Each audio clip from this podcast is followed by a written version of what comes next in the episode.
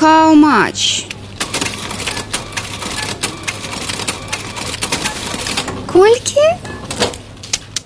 Добрый дзень з вами рубрика хау-матч у якой мы гаворым пра асноўныя эканамічныя навіны тыдня сёння мы паговорым пра тое навошта беларускім уладам адраджаць знак якасці і чаму аварыі ў беларускай сістэме жылічна-камунальнай гаспадаркі пачалі здарацца часцей У беларусі збіраюцца адрадзіць знак якасці. Сама ідэя адразу вяртае нас у мілыя сэрцу беларускіх уладаў савецкія часы. Калі ў кожнай каўбасы быў свой знак якасці. У гэтыя мілыя ностальгічныя часы быў праўда адзін маленькі нюанс. Знак якасці ў тавараў быў а тавары былі не заўсёды. Але не мае значэння. Галоўнае каб усё было як тады як у старыя добрыя часы. Але на самой справе я думаю што недзеля нашай ностальгіі за каўбасой са знакам якасці прыдумана гэтая ідэя. Ды да і ўвогуле недзеля нас з вами Я думаю, што задумка тут больш глобальная ідэя можна сказаць стратэгічная. Вось што сказаў лукашенко про тое якія тавары павінны мець знак якасці. Белазы мтз и маст и так далее они не могут э, не иметь знак качества на какой-то товар свой. Главное машиностроительные компании должны иметь э, товар со знаком качества. Ну как мтз тракторный завод не будет иметь со знаком качества машин. Сам выбор товару якія павінны атрымаць знак якасці як бы намякае что да спажывецкага рынку да каўбасы гэта ідэя мае такое апасрэдаванае дачыненне зразумела што каўбаса без знака якасці не застанецца але не каўбасе справа. Беларускія ўлады як урад ссср робіць стаўку на цяжкае машынабудаванне а зразумела што цяжкае машынабудаванне гэта не пра спажывецкі рынок і нават не пра ўнутраны рынок. Бо Беларусь чым далей тым больш страчвае свае пазіцыі на расійскім рынку. На рынку на які прападае ўжо каля 65соткаў беларускага экспорту але на расійскім рынку між тым беларускія тавары адціскаюць канкурэнты як прызнаўся ў гэтым сам александр лукашенко. В спину дышат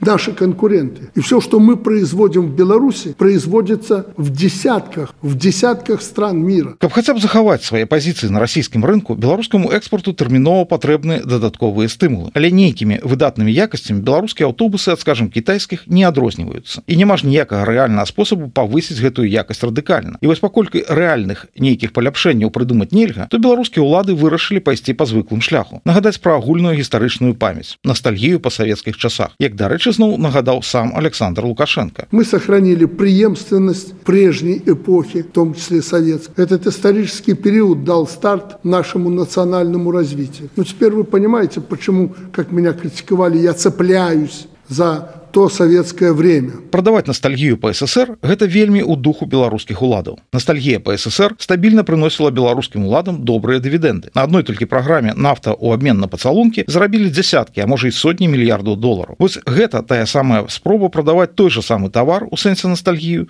толькі ўжо со знакам якасці але вельмі сумнеўна што ў гэты раз яно спрацуе купляючы партыю трактароў ці аўтобусаў на мільёны ці десяткі мільёнаў долараў покупнік нават калі ён самы адданы прыхільнік ссср не будзе кіраваць кіравацца ностальгічнымі меркаваннямі Таму што у пакупніка які пры здзяйсненні такіх сделак кіруецца ностальгічнымі меркаваннямі звычайна няма мільёнаў ці десяткам мільёнаў долараў на закуп парты трактароў і аўтобусаў Вось у чым гэтая ідэя могла б дапамагчы дык гэта ўпрасоўванне беларускага харчовага экспорту Таму што каўбаса з савецкім знакам якасці заўсёды знойдзе ў рассіі удзячную мэтавую аўдыторыю. Але насамрэч не дапаможа. Каб прадаваць больш каўбасы трэба вырабляць больш каўбасы а беларуская сельская гаспадарка і так працуе на мяжы магчымасцю пасля не ўраджаю мінулого года экспорт беларускіх прадуктаў харчавання за 8 месяцаў знізіўся до 5 мільярдаў долараў супраць 6 мільярдаў год таму уся беларуская каўбаса якую можна прадаць яна цудоўна прадаецца і без знака якасці і уж тым больш не беларускі не савецкі знак якасці не дапамогуць спрасоўваць беларускую прадукцыю на экзатычныя рынкі далёкай дугі у экзатычных рынкаў далёкай дугі свае знакі свая ностальгія і сваё уяўленне аб якасці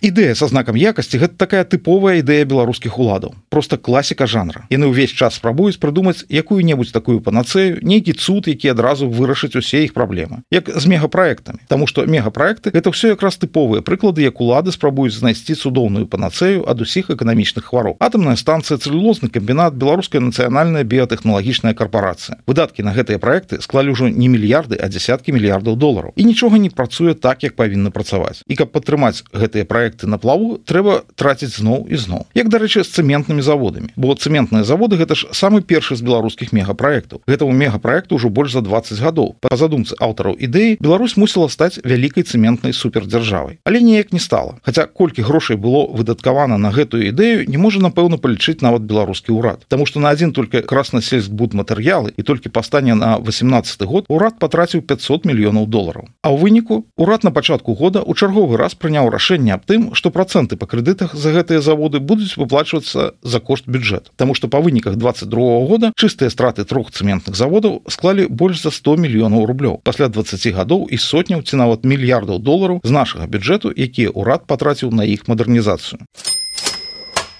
Ну і не дзіўна што калі трэба утрымоўваць столькі унікальных мегапраектаў а яшчэ дапамагаць сябрам то грошай не на всякие глупства ну там напрыклад ацяпленне водазабеспячэння ўжо можа і не хапіць нядаўнія лютыя маразы беларуская сістэма ЖКХ перажыла не без страт. У першыя два тыдні студзеня без ацяплення і гарачай вады а месцамі і ўвогуле без вады заставаліся мінская малінаўка адзін з раёнаў беразіно віцебска рагачова ляхавічаў чыннік ва ўсіх выпадках як пад капір крытычныя дэфекты труб. Ну, вось калі трубы не рамантаваць і не мяняць то рана ці позна у іх з'явяцца крытычныя дэфекты нікуды не дзенешся і тады так нехта застанецца без ацяплення або без гарачай вады або і без гарачай вады і без ацяплення. А на тое каб рэгулярна мяняць і чыніць трубы грошай не хапае. Таму што мегапраекты яны ж ну кожнаму зразумела больш важныя. Пачынаючы з два -го года выдаткі беларускага бюджэту на ЖКГ не тое каб зніжаліся яны падалі. У двадцатым годзе ў бюджэце планавалася патраціць на ЖКГ 500 мільёнаў рублёў а ў 21 ужо толькі 300 мільёнаў. У 22 менш за 100 у бюджэце на мінулы год гэтыя выдаткі ўпалі адразу ў 14 разоў да 6 і 70 мільёна рублёў Ну і не дзіўна што яно ўсё ламаецца. У гэтым годзе выдаткі на ЖКГ праўда крыху павялічаць. І нават адразу на 50соткаў Мабыць таму што год будзе такі крыху асаблівы. Бо перад выбарамі трэба ж паказаць беларускаму грамадству свой клопат. Але агульная сума гэтых выдаткаў ўсё роўна складзе толькі десятую частку ад выдаткаў 22 года. А На гэтым на сёння ўсё. З вами была рубрика хау матч пачуемся на наступным тыдні. Усяго добрага